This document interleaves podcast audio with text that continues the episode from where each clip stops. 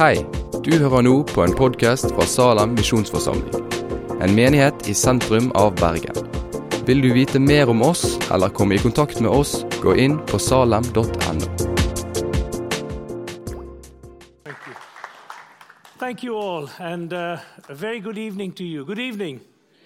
Great. It's good to be here, and I'm really uh, honored, uh, privileged to have been given this opportunity to uh, share with you this evening some of my thoughts. And um, I asked um, Howard, and Howard, thank you for the information you gave me in advance. And Christian, thank you also for briefing me.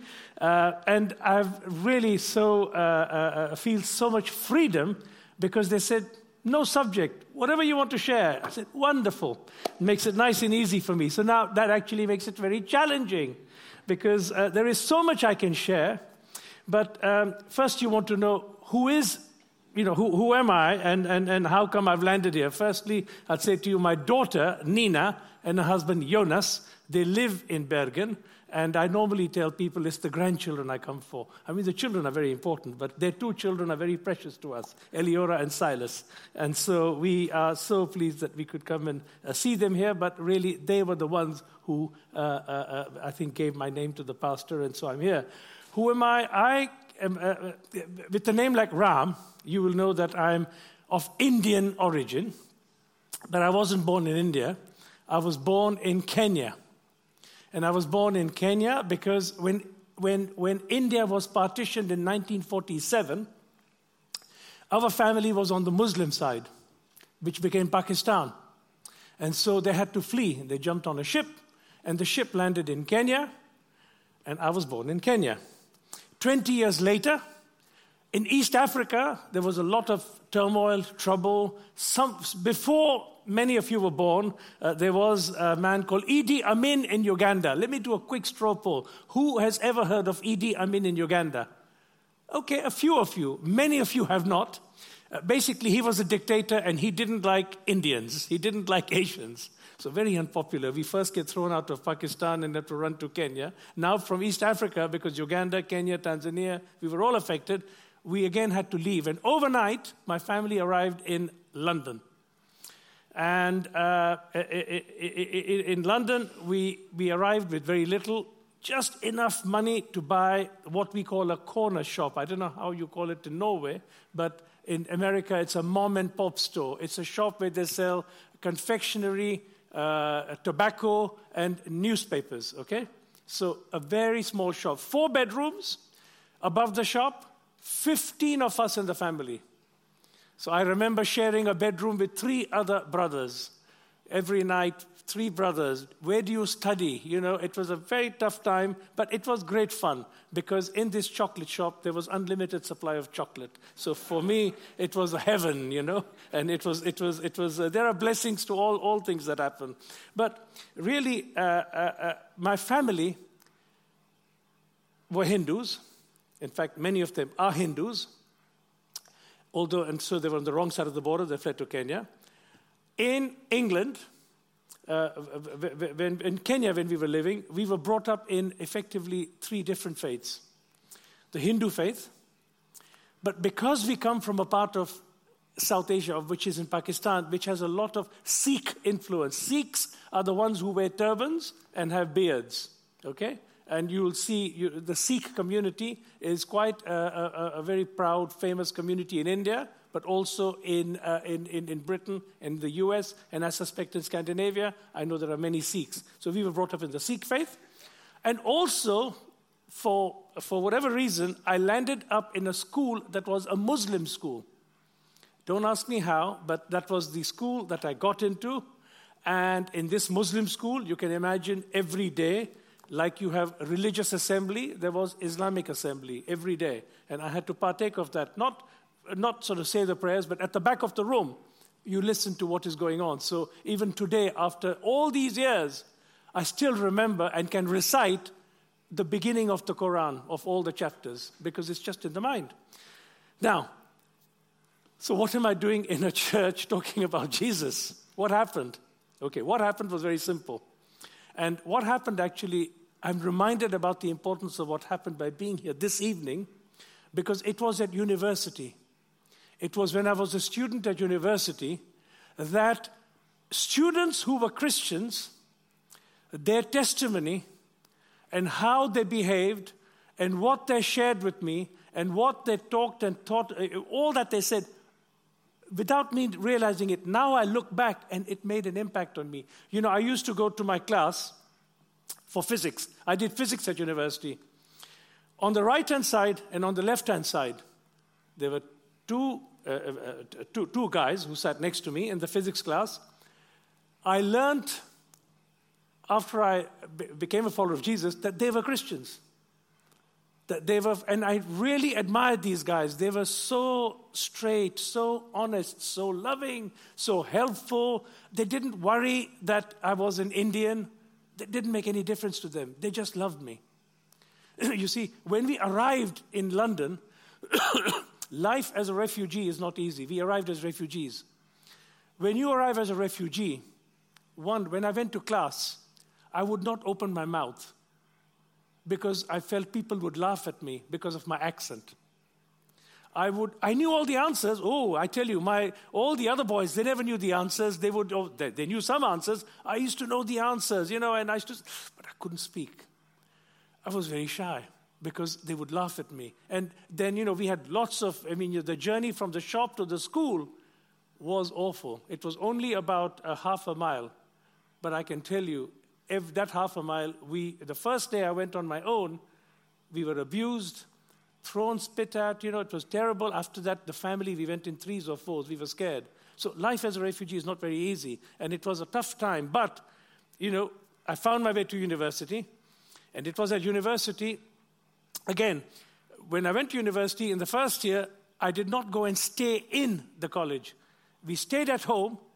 I would go at uh, just in time for nine o'clock lecture, finish at two or three in the afternoon, back home, work in the shop, study at night, work in the shop, study at night, lectures in the daytime, no fun of university life.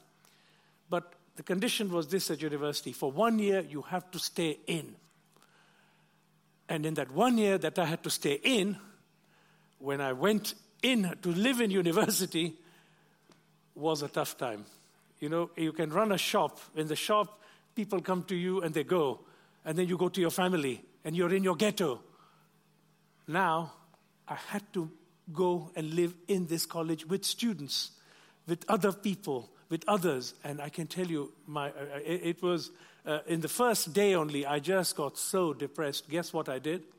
I found my way to what I call the great British invention. Do you know what the great British invention is? The pub. the pub. You, you all know what the pub is? Who doesn't know what a pub is? Oh, good. Okay, all are guilty. All right. Everyone's guilty. You're afraid to put your hands up.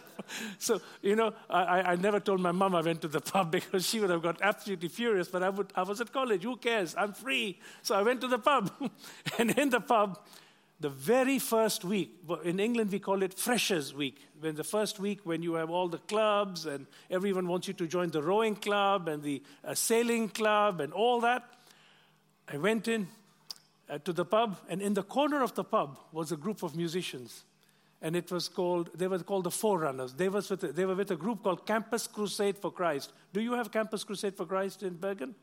Or in Norway? You've heard of them? They're basically uh, uh, uh evangelists, student evangelists who go out to universities and their goal, mission, vision, aim is to share Jesus with those who do not know Jesus.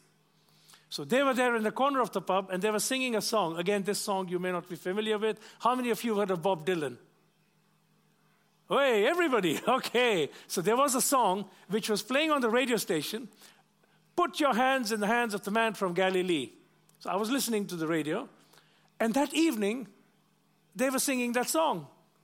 And then they were talking about Jesus. And I said, Jesus, man from Galilee, you know, until now, because I was Sikh, Hindu, Muslim background, never ever Christian. You know, Christian, we were told, white man's religion, not for us. Okay, that was the message we got. So I imagine Jesus as someone who came from London. yeah, serious, city of London. I imagined he had, you know, in England they wear these bowler hats, these funny hats, yeah? I imagined he had a bowler hat. I imagined he had a pinstripe suit. I imagined he was blue eyes and blonde. For me, if you ask me Jesus, I would paint that picture from the city of London. Now they say he's the man from Galilee. I said, Galilee, Middle East, Middle East, culture like mine. Hmm, interesting. And to cut a long story short, there began a journey. You know how it is you fill out a form at the end of that meeting which says, uh, if you would like further information, do complete this form and someone will get in touch with you. I said, if you would like further information, I put, I would like to argue with someone to come and see me and discuss this because I'm not sure I agree with everything that they were saying from the stage. So, guess what? Someone came to see me. You know, I'm so touched even to this day. That was in 1971. So, that's how many years ago you work out.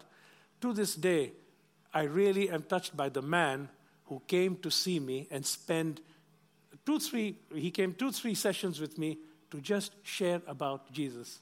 He brought out the Bible, talked with me. I would argue with him and argue with him. If he said something, I would say, Ah, but Hindu said this. Ah, but in Islam they said this. Ah, but in the Sikh faith they said this. Poor man had no chance.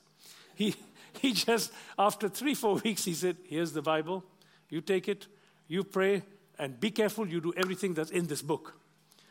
And I said, okay. And, you know, so uh, I, I, I, did read the Bible. Eventually, when he left me, I felt very lonely. So I started reading it. And I got to a chapter, Revelation chapter 3, verse 20. Behold, I stand at the door and knock. If anyone open the door, I will come in and eat with him and he with me. And you know, that evening I got on my knees and I had a long journey. I, I, literally I went to the British Museum, I went to the library. I wanted to read about this Jesus. Who is this Jesus? Everyone's talking. This Bible talks about him. I did my own study, research, and I got to this point where I said, you know what? In faith, I want to accept Jesus. And I got on my knees. In my, in my room in this halls of residence, there was a big window. I opened it, you know, saying, God, Lord, come in got on my knees and literally very, very, and it was very cold. This was like in December, freezing. But I said, no, if the door is locked, I don't know if he will come in. You know, I stand at the door and op- I opened the door and symbolically got on, and literally got on my knees and I invited him to be my Lord and Savior. And I can tell you from the time in December, I think November, December, December 1971, I've never looked back. It was the most amazing, amazing point of my life when I look back at that moment when I accepted him as my Savior. Now, what happened since then? in that Ethiopia video, we saw that young man, and I loved what he said because it's something I say. You know, they said, and then I met with Jesus, and then they lived happily ever after. That's when my problems began. like he said, his problems began. I could empathize so much with him. His family, his mother, you know, my mother. I could just see what he's saying. I could feel what he was going through. It was tough. But God is good. Day by day, step by step, went on, graduated, married. And this was now the challenge I was all the time looking at. Again, I look back and I think, you know, why have I done what I've done? Where have I gone? Where has God led me to and why? I thought, if I'm going to make a difference in the world, then maybe I come from a family of business people. Now, a bit of history. Sindhis. Have any of you ever heard of a tribe or a community called Sindhis? No. There are 40 million Sindhis. This is for people from my community. They're mainly in Pakistan. But when partition took place, about two, three million fled because otherwise they would have been killed. If my family hadn't moved, we would have been killed.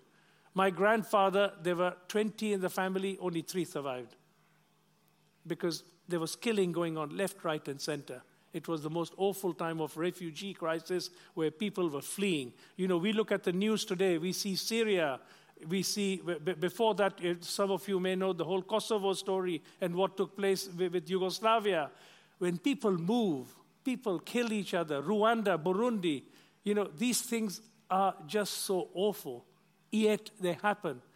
My family at that time went through that period and they fled. And, when they, and, and that whole refugee thing, is, is, such a, is, is such a challenge. But the Sindhis are business people. They are such strong business people. You know, if it moves, we sell it. Be careful. because Sindhis are traders. My grandfather set up a business a hundred years ago. A hundred years ago, and that business supplied silk from Japan to the ports of Africa where the railways, railways were being built by Indians, and their wives needed silk saris. So my grandfather and his brothers had a business supplying silk. So it's a phenomenal trading community. Phenomenal. So when we arrived in London, what did we do? We opened a corner shop. Why? Because we are traders, we are business people. So I said, business is the way. When I finish university, I'll go into business and we will succeed. And with that business, I will use what, what, what we do to serve the Lord, to serve Jesus, to serve the mission field, and do all that. And then make a difference in the society I'm living in. Friends, that business was phenomenal. My wife's uncle had a business, he asked me to join him. We started as a business with maybe 50 people. And you know, that business, by the way, dealt a lot with Norway. Have you heard of a product called stockfish? Who doesn't know what stockfish is? Yeah, stockfish. I, you know, I still remember when my daughter and son in law were moving here, I opened up my diary and I found the names of Brodre Jongard and, uh, uh, you know, a whole lot of Norwegian families we dealt with. And I phoned one of them in Bergen and he remembered us after 30 years. Ah, oh, yes, I remember you all. You know, so business is a very powerful way of going forward. The business was phenomenal. Within a period of 10 years, there were 7,000 people working for our company. We were in 15 countries. In 1985, 86, so like 96, 2006, 30 years ago, we were turning over $200 million. I don't know what that is in kronas. You work it out. It was phenomenal. In today's currency, we would be talking billions. So there I was in this company, doing really well, absolutely fantastic. And uh, this company just became very successful, based in Geneva, Switzerland, with offices in 15 countries. Would I have dreamt, you know, coming as a refugee, that now we would be running such a big business and doing so, so, so much? but what happened was we acquired in Scotland a business, a seafoods business. This business did smoked salmon, so we bought salmon. Even from Norway, we would buy salmon, and then we would have smoked salmon. We had crab. We had scampi. Scampi is uh, Nephrops norvegicus. You may or may not know scampi, but scampi, a beautiful, lovely fish, seafood. So we were doing this in Scotland. And what they were doing in Scotland, for three months in the year, they would close the factories. Why? Oh, because we cannot get fish in those three months because in those three months there is no fishing because in that time everything shuts, so everyone is laid off, and mainly the workers were women. We had 600 Scottish women working. They would be laid off. I said, ridiculous. My granny told me that in India they used to have fish. So I did my own research. I said, right, I'll go to India, I'll take my production director, we will go to India and we will buy fish. I went on a 10 day trip. On this 10 day trip, I visited every port. Wherever there was seafoods, went in there. I probably ate fish, drank fish, and smelt of fish. But it was an amazing thing. But on the last day of the 10 days, one of the practices that I always tried to, to have as a business person was to visit a local community project. In other words, I'm doing business with somebody. What are they doing in their community? It, today, the equivalent for me would be if we were still dealing in stockfish today, this was about 30 years ago, I know what I would do. I would talk to Broder Jongard and all these different uh, Norwegian companies and say, What are you doing in the city where you are placed? What do you do in your community? I asked these fishermen in India, What do you do? I asked these business people, and they took me to the slum. There is a very popular Bollywood film called Slumdog Millionaire. Has anyone seen Slumdog Millionaire? All right, good. So, those who haven't, talk to the people who put their hand up, they'll tell you about the film. But I can tell you a little bit about the film. I went to the slum in 1986, so way before the film was made. But when I saw the film, very, very, you know, brought back memories. I was there in 1986, and I only was there for two hours. But those two hours changed my mind, it changed my, changed my life. You know, in the Bible, in the book of Isaiah, in chapter 6, uh, verse 1, let me just read it to you. Isaiah chapter 6, verse 1, and I hope it appears. Yes, it does. Isaiah chapter 6, verse 1. I'll just read it to you and listen. Shut your eyes and listen. You know this passage. It's a passage that probably gets preached on very often. And it says as follows this is Isaiah's commission. In the year that King Uzziah died, I saw the Lord high and exalted, seated on a throne, and the train of his robe filled the temple. Above him were seraphim each with six wings. With two wings they covered their faces, with two they covered their feet, and with two they were flying. And they were calling to one another, Holy, holy, holy is the Lord Almighty. The whole, whole earth is full of His glory. At the sound of their voices, the doorposts and thresholds shook, and the temple was filled with smoke.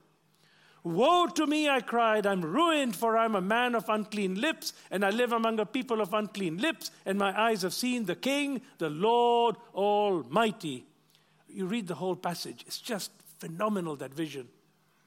Why am I sharing that vision with you? Because you know, that vision that Isaiah saw that vision that he saw drove him for the 60 chapters plus of Isaiah. You read the book of Isaiah, that entire book, and you look back to that section and you say, that vision must have made such a deep imprint in Isaiah's life. It must have made such an impact on him that it kept him going. But, friends, I want to tell you, when I went to that slum, I saw a five year old kid. I saw lots. And I said, Where does that five year old kid live? And they showed me this tube, water pipe. They said, There. I said, Can I go near? They said, Don't. You'll get sick if you go near. The smell will kill you. He does everything there. I said, What about his mom and dad? He says, His dad, you're asking a stupid question, but his mom, we will show you. So they took me. If you've seen Slumdog Millionaire, there is a scene where they've got all these young girls, prostitutes, behind cages, behind bars. Yeah? They took me to there, and it's the same in the film, it was the same in 1986. And they said, You go there and you will see. His mom is working in one of the cages. And you know, the, I saw young girls, girls who must only just have hit puberty. You know, it was just awful to see what was behind those cages. And I said, I, I, didn't have to say anything. And I just said to myself, I looked, I said, gosh, it doesn't take much imagination for anyone to know what is going to be happening to them during the night and during the day. It made me sick. I was driven straight to the airport, Air France, first class. I got into the plane. Caviar, monsieur? No. Champagne? No. I couldn't.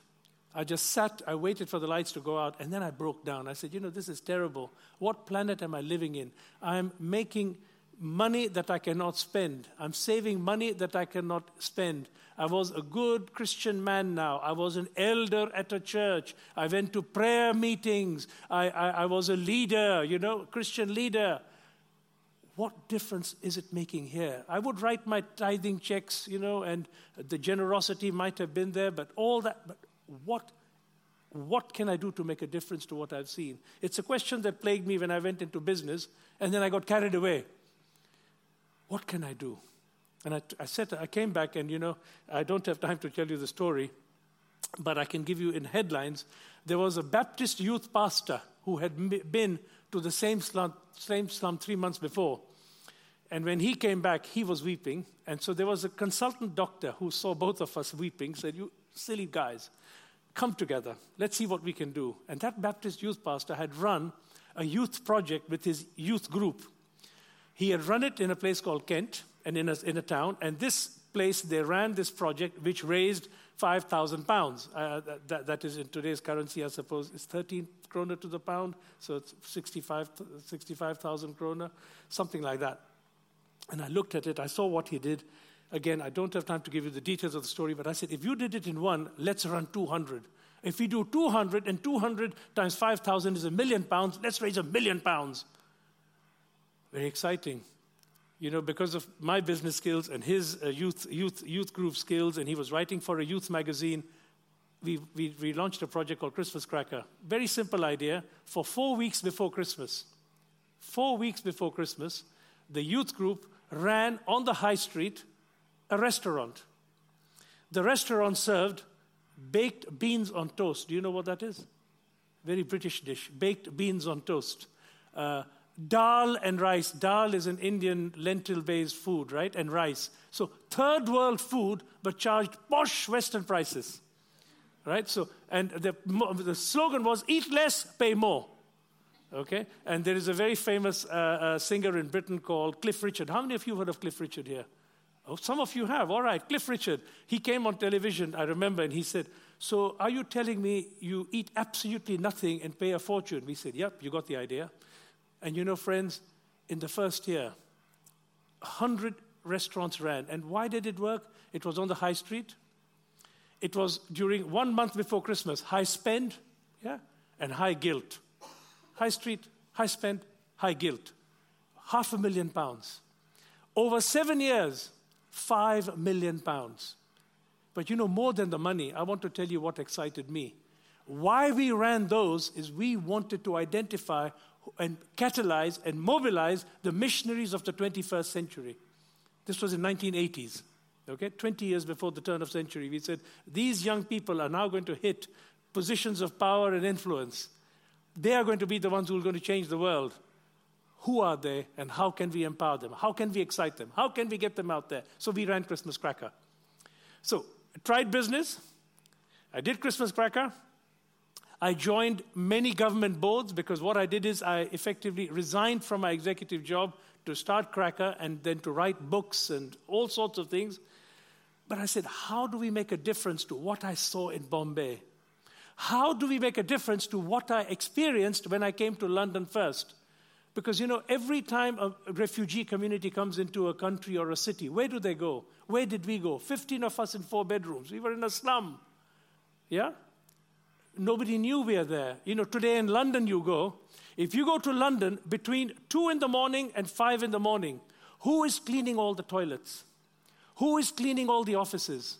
Who is cleaning the streets? The invisible community. They go in there, they got, and no one speaks up for them, or very few people do. And it's a very tough position to be. In. So, what can we do? So, friends, this is where I come to my last uh, point I want to share, and this is my political engagement. You said I ran for mayor of London, uh, Howard, and I did. Why? I'm a businessman. I'm a guy who was doing now these charity projects and other things. Because, friends, they were, again, it's always with young people who sort of somehow or the other we get interacted. I had done an interview on BBC and the man came straight after the interview and tapped me on my shoulder. Young man, he said, Mr. Gidoomal, that was a very good interview and all, but you know there's going to be an election in London. I said, Yeah. And he said, uh, You know, um, we're looking for someone to run as a candidate for mayor of London. I said, Okay, good, good, good. I'll note it down. Fine, thank you, thank you. I'll give you some names. I called him uh, next day. I gave him six names of very influential, famous uh, people who'd been in the news. I said, These are the people you should call. He called me one month later, four weeks later. Uh, Mr. Gidoomal, the committee has met. You know, gosh, they make it sound so grandiose. I discovered after that three people met. But, you know, the committee, the committee has met. And the committee say that we are unanimous that you will be, we, we would like you to be our candidate. I said, oh, dear. So I said, well, okay, okay, I will talk to my wife about this. so, you know, my uh, strategy was very simple. You talk to your wife, the wife says no, you go back and say, no. I can't do it. My wife says no. Easy, you know, blame the wife, right? So I, so I, I told Sunita, my wife, I said, we were washing the dishes at the end of the, I said, by the way, very strange call today. And these guys think I should be running as a candidate for mayor of London. Isn't that the craziest idea you've heard? Um, I'm sure you agree with me that this is stupid and we shouldn't do it. And I should really call them and say, forget it. And yeah, yeah. Uh, don't we pray about these things. I said, Oh, yeah. Um, we pray about these things. Yep. I said, okay, you pray one way, I'm going to pray another way. I pray that God says no, you can pray how you like. Seriously, my mind was thinking, I can't do this. But you know, friends, it's when, you know, we had a prayer meeting just before this meeting. And uh, I think it was, I hope I get your name right, Regnal said, or I mean, I know the name Rangana Sophia from Geneva, but am I close to your name? Who was it? Regnal? Yeah, you know, you, you talked about the importance of prayer and how God listens to prayer. Well, you know, God must have been listening to prayer because after that day, every day when I walked in London, I go to London for different meetings, something would strike me about the Christian influence that has underpinned British society. In fact, I would now go further to say the Christian influence that has underpinned European society. You know, what is it that makes us so distinctive? What is it that makes, that, that, that, that, that certainly from a British perspective made it, you know, in Parliament, there were moves to say stop prayer in Parliament, uh, cut out the role of chaplain. Chaplain is someone who, who, who, who supports, like the Speaker of the House has a chaplain who prays for the chaplain and gives spiritual input and guidance. You know, there's a strong link. It was cut, cut, cut. And as I began to see it, I said, you know what? We would be the losers as a society. I'm the beneficiary as a refugee of the compassion and, and, and, and, and, and the care of people who allowed me in because they felt it was the right thing to do. So I called the guys and said, Look, um, I'll give it a shot. I'm not saying I'm your candidate, but let's start the journey. And I can tell you, an exciting journey it was. I'll share with you the six principles on which we, the, the party was based. It's a Christian Democrat party. Uh, it was called the Christian People's Alliance, and these were the six principles. And again, I've gone over time. It's now 8:25. I've probably got four or five minutes, but let me just share with you six principles. Justice. You know what is we must have justice. You know, and justice for all, not just for those who are rich or wealthy, justice for all. You know, why is it, I said, I looked at the statistics of London, a map of 100 years ago and a map of 1999. And you, it was a poverty map. And the poverty, had, poverty map had colors of yellow, red, blue shades, and the poorest areas were in yellow color. They had one for 1890 and one for 1990. Put it on top, very little change. Then I found another statistic. A baby that is born near Westminster, where the House of Parliament is, has a six year longer life expectancy than a baby born just five miles away in the poorest part of London, the poorest part of London where the Olympics took place, East London. Why? And by the way, that statistics have got worse now. It's now even longer. In other words, inequality in society. What can we do to address it? So, justice was a driving force. Compassion speaks for itself. Empowerment. You know, there were communities who I know said, Oh, Mr. Gidoomal, you know, because the newspaper broke the story when I was going to run, the Times newspaper broke the story. Former refugee throws hat in the ring. I said, Great. You, so you want to brand me as a former refugee? I don't mind. All the refugee community came to hear me. They were excited. You know, the asylum seekers, they said, Yeah, you know, somebody from the community is going to go and speak up for us. But when it came to voting day, they were not registered. They didn't have a vote. And it taught me, I said, you know, how can we empower these communities so that they know that when they get their vote, they can exercise it and they can get somebody who will really speak up for them and not forget them. In fact, there was a newspaper present when I spoke at one of the meetings, and this was such an amazing experience. I'll share it with you. This, this was my first public meeting. You know, I've never been a political candidate before. So there was a t- stage like this, 15 chairs set up, and they had all the Labour Party, the Conservative Party, the Green, the Liberal Democrats. I mean, all famous people on the stage, and I was put right the 15, number 15. Okay, you go sit there. Fine. Everyone has three minutes to talk. What will you do for London? So they all talk. Oh, we will bring transport and housing and crime. Okay, the other one, uh, crime and education and, uh, uh and, and, and, uh, and, and transport. And like that, everybody spoke, and a very polite audience, nice clap out on a Richter scale. You know the Richter scale? About six or seven or eight, six, seven, eight. I'm sitting number 15, and if you, if you, there was a black cloth there, so you couldn't see my legs, but they were going like this.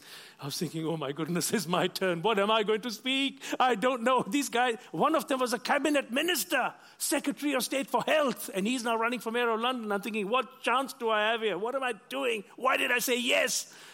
And, I and then I said, you know, my simple thought, friends, this is such a powerful thought. What would Jesus do?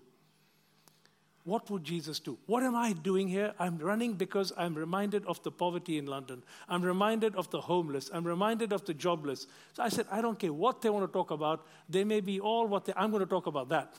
So in three minutes, I went on a three minute, and my name is Ram Gidoomal, Ram Gidoomal, they say in England. So I went on a rampage. I said, right, you know, the carless, the homeless, the jobless. The place exploded. You know, when I finished speaking, I've never seen anything like it. It was a huge applause. The Richter scale would have got blown. And these guys were all watching. Suddenly I saw all these chaps looking, huh? Who is this guy? Now, that sounds all very good, but at night, 10 o'clock, BBC Radio London, Sunita and me are going to bed. I said, I just want to hear the headlines. And the one who was the top candidate, leading candidate politically, was being interviewed. Uh, so, what is your view today, sir, in terms of the three big policies that you would be driving for London? The carless, the homeless, the jobless. I said, Hallelujah! This is fantastic. I don't care if he takes my ideas, but if by one intervention, one intervention only, friends, I've influenced the agenda, this is going to be very exciting. I love politics.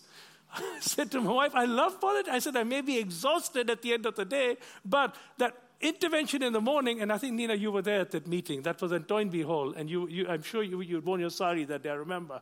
And, and, uh, and so, in that one meeting, the agenda shifted. Suddenly, the next day, the headlines in the paper Gidoomal's campaign for the carless, the homeless, and the jobless make him more radical than Labour. Yes!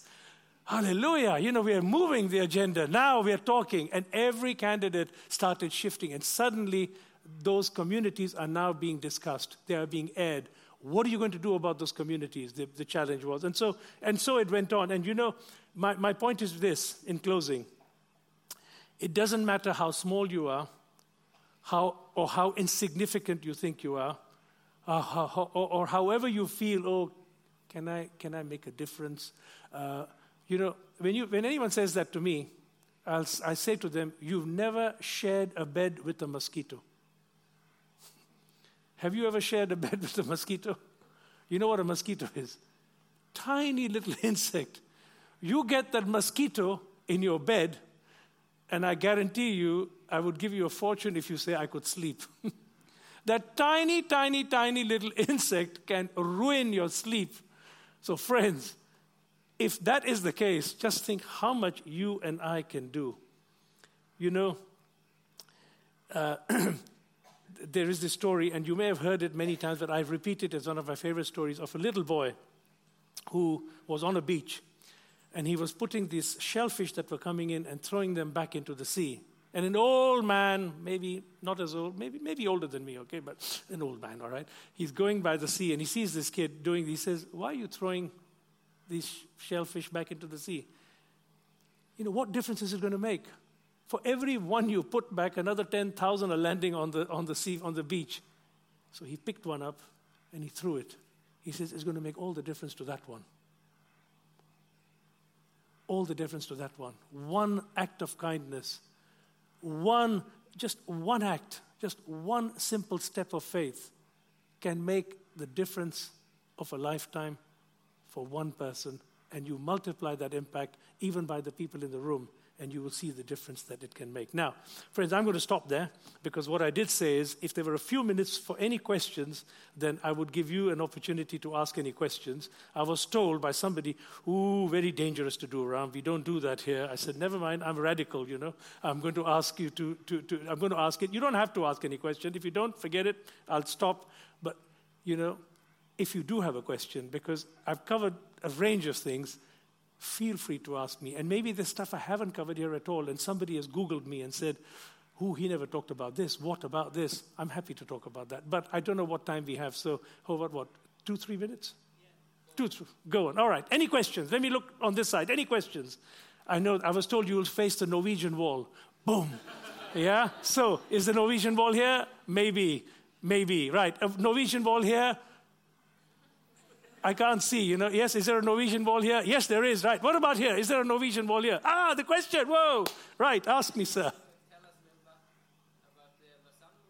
The Lausanne movement. Now, how did you find out about the Lausanne movement? Guilty, yes, I am linked with the. How many have, here, have heard about the Lausanne movement? Who hasn't heard about it? All right. Oh, thank you for asking the question. Many here don't know. Right. The Lausanne movement was started by Billy Graham uh, Billy Graham, how many of you haven't heard of Billy Graham? Okay, one person hasn't heard of Billy Graham. He's a world famous evangelist. He's a famous, famous evangelist in his 90s now, uh, living in North Carolina. He's still alive. And a very, very famous evangelist who's been to Europe and all over the world, preached to millions. And I can say this millions have come to Christ through his ministry and evangelism. And he set up with John Stott in Britain a movement called uh, the Lausanne Movement. And what it was about was saying, look, in the Christian world and Christian community, there are many denominations. We will all claim evangelical, the word, but they're different. So, so, so I know I can tell you when I became a follower of Jesus, the biggest thing that confused me was not, not even the denominations, you know, being a Protestant or a Catholic. Tomorrow morning at the service, I may share that story a little bit, but I'm just saying it really confused me what they are. So, what Billy Graham and John Stott did is invited evangelical Christian leaders from across the world, over 100 countries, and they met in Lausanne in Switzerland. And what they did over a one week period is, in small groups, large groups, and in plenary, try to thresh out what is it we can agree about? What is it from the Bible that we can be united about?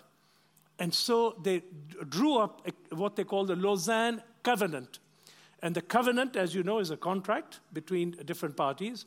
And so the Lausanne Covenant was drawn up with simple statements, which were statements of belief that every single one could sign up to and say, Yep, I agree with that. God the Father, God the Son, God the Holy Spirit, the Trinity, and all aspects like that were brought out into this statement, and the Lausanne Covenant was signed. And today, tens of thousands, if not hundreds of thousands of agencies, churches across the globe sign up to the Lausanne Covenant. And so when I go into a church, I say, you know, do you all agree with the Lausanne Covenant? That's like a, you know, evangelical alliance statement of faith.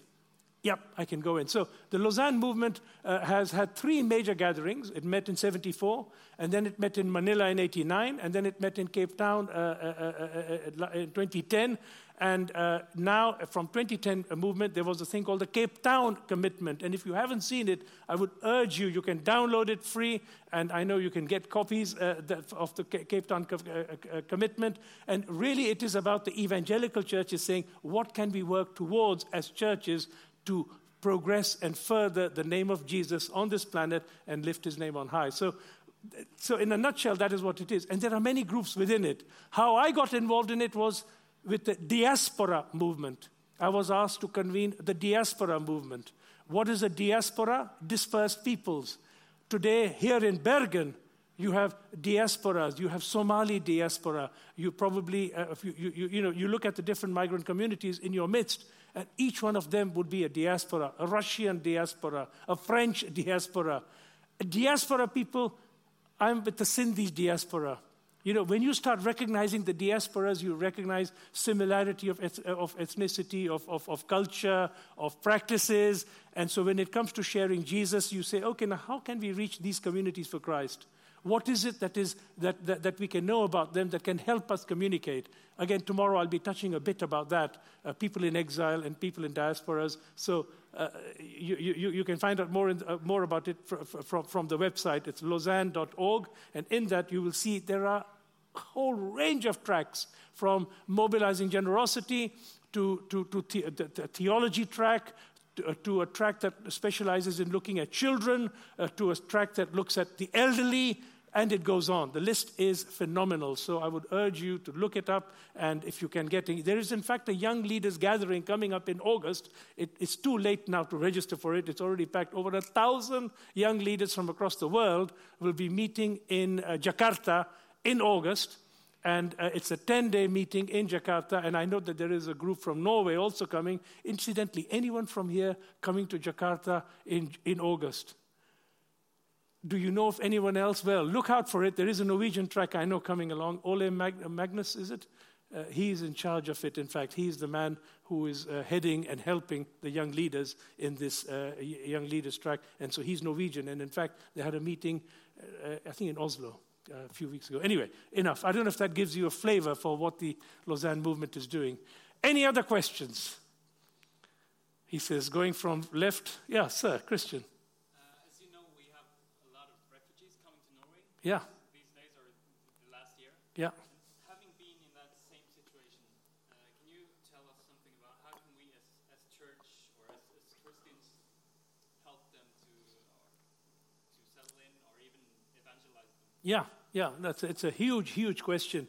You know, my first response would be you know, mentally and spiritually, we've got to love them first. You know, our own individual attitudes have to shift because it is a very tough situation. The news makes it so negative. The news gives so much, so much negative things that whether we like it or not, Christians or not, we get influenced. Now, my prayer is Christians don't get influenced in the negative way.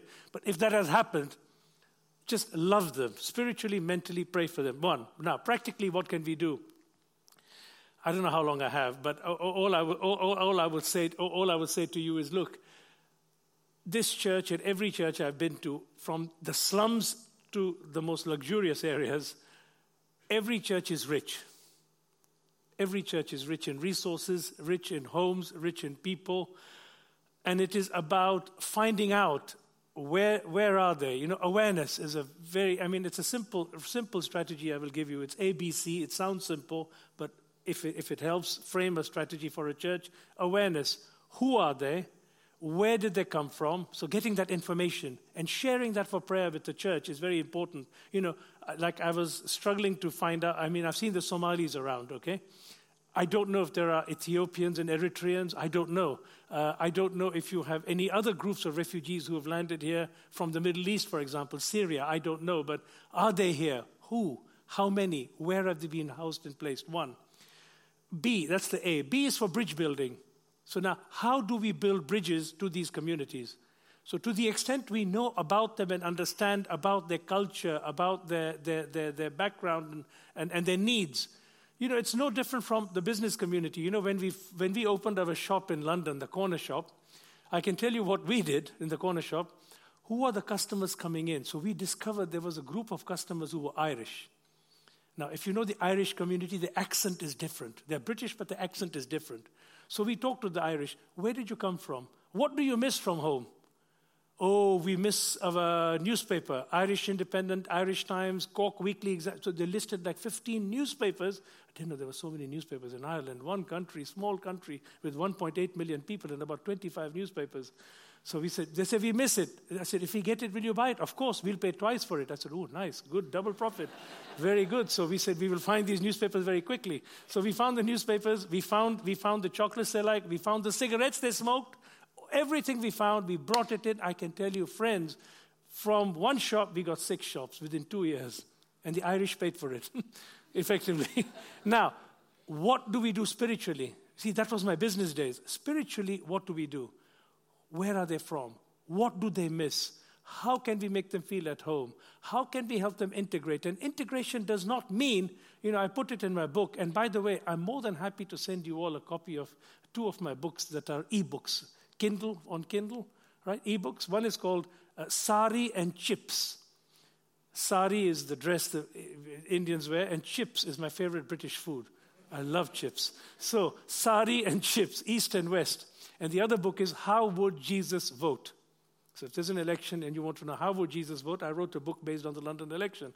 Now, in that book, Sari and Chips, I have written about uh, the, the, these whole experiences of you know bridge building, find out what they miss. How do you make them feel at home? And this thing about integration. Uh, you know, in one of the chapters says, a brown Englishman. You know, is a question mark. You know, I'm not going to become an Englishman because I have my own culture and identity, but yet I have to integrate in the society I've now come to be a part of. How do I achieve that? You know, how do I speak English language so that I'm part of England and Britain? How do I respect the customs and practices of British society, which will mean that I'm respecting the country I'm a part of. Now, how do I balance that? How do I bridge that? It's, it's, it's not easy. So it's integration, and I think the church can help with that. So bridge building, you know, and then C is crossing the cultural divide, cross-cultural communication. How do we communicate so they don't get threatened? You know, there may be Muslims, okay? You know, when 9-11 took place, you all familiar with 9-11, yes? When 9 11 took place, I can tell you uh, uh, uh, after two days, once the shock had hit the world and certainly London, the phone calls I got from pastors, because I went on a radio station and talked about the Muslims in our communities, saying, one church, he said, I don't know of any Muslim leader in my community. I want to meet them. I don't want to necessarily convert them at this stage. I just want to meet them and I want to invite them for tea coffee, and I want them to know we love them and we respect them and want to just, they, they must be feeling terrified. because they were feeling terrified. They were thinking, oh my goodness, this is now a situation where we are going to be really, really treated badly. You know, in America, within 24 hours, somebody went and shot dead a petrol station guy who had a beard and a, and a turban, thinking he's a Muslim. The poor man was a Sikh. and they just shot him dead. He's a bin Laden guy, you know. So now, how do you, you know, and, and I mean, don't to embarrass Nina. I know Nina went with her friends, I found out later, to a local pub two days later. and they went to the local pub, and maybe they went there regularly. I'm not going to embarrass Nina, but, but you know, when they went there, suddenly everyone went silent. They've never gone silent before. Now they're all silent. Why? They said, Oi, you, you're Muslim. You shouldn't be here. They didn't know she's a Christian. but you know what I mean? It's like that kind of attitude. How do you help change? I think the church can help with that. And it's what I talk about one small step, one act. It doesn't have to be anything grandiose. You know, I think it's very simple. So, awareness, building bridges, crossing the cultural divide, and then the D do something. you know, they, they say, don't just sit there, do something. You've got to, whatever it is. And even if it is to begin with prayer, and, and, and, and as you pray, trusting that the Lord will show you the next steps, just do something because this is an increasing phenomenon all over Europe. All over Europe. It is something, you know, we face it every day in Britain. Calais, from Calais to Dover, Calais to Dover. The boats are coming in. Now the boats are coming in straight to Britain. Huge outcries. Look, it's a reality of today's world. And if it's a reality of today's world, let's as a church and as followers of Jesus show that love. Because remember, Jesus was a refugee too. remember? Read the Bible again, you'll see he was a refugee and he had to flee and then he had to come back, and you know the story. Anyway, I think there's, I've taken too much time. Uh, I can hand over back to you, brother. Back to you. Thank you.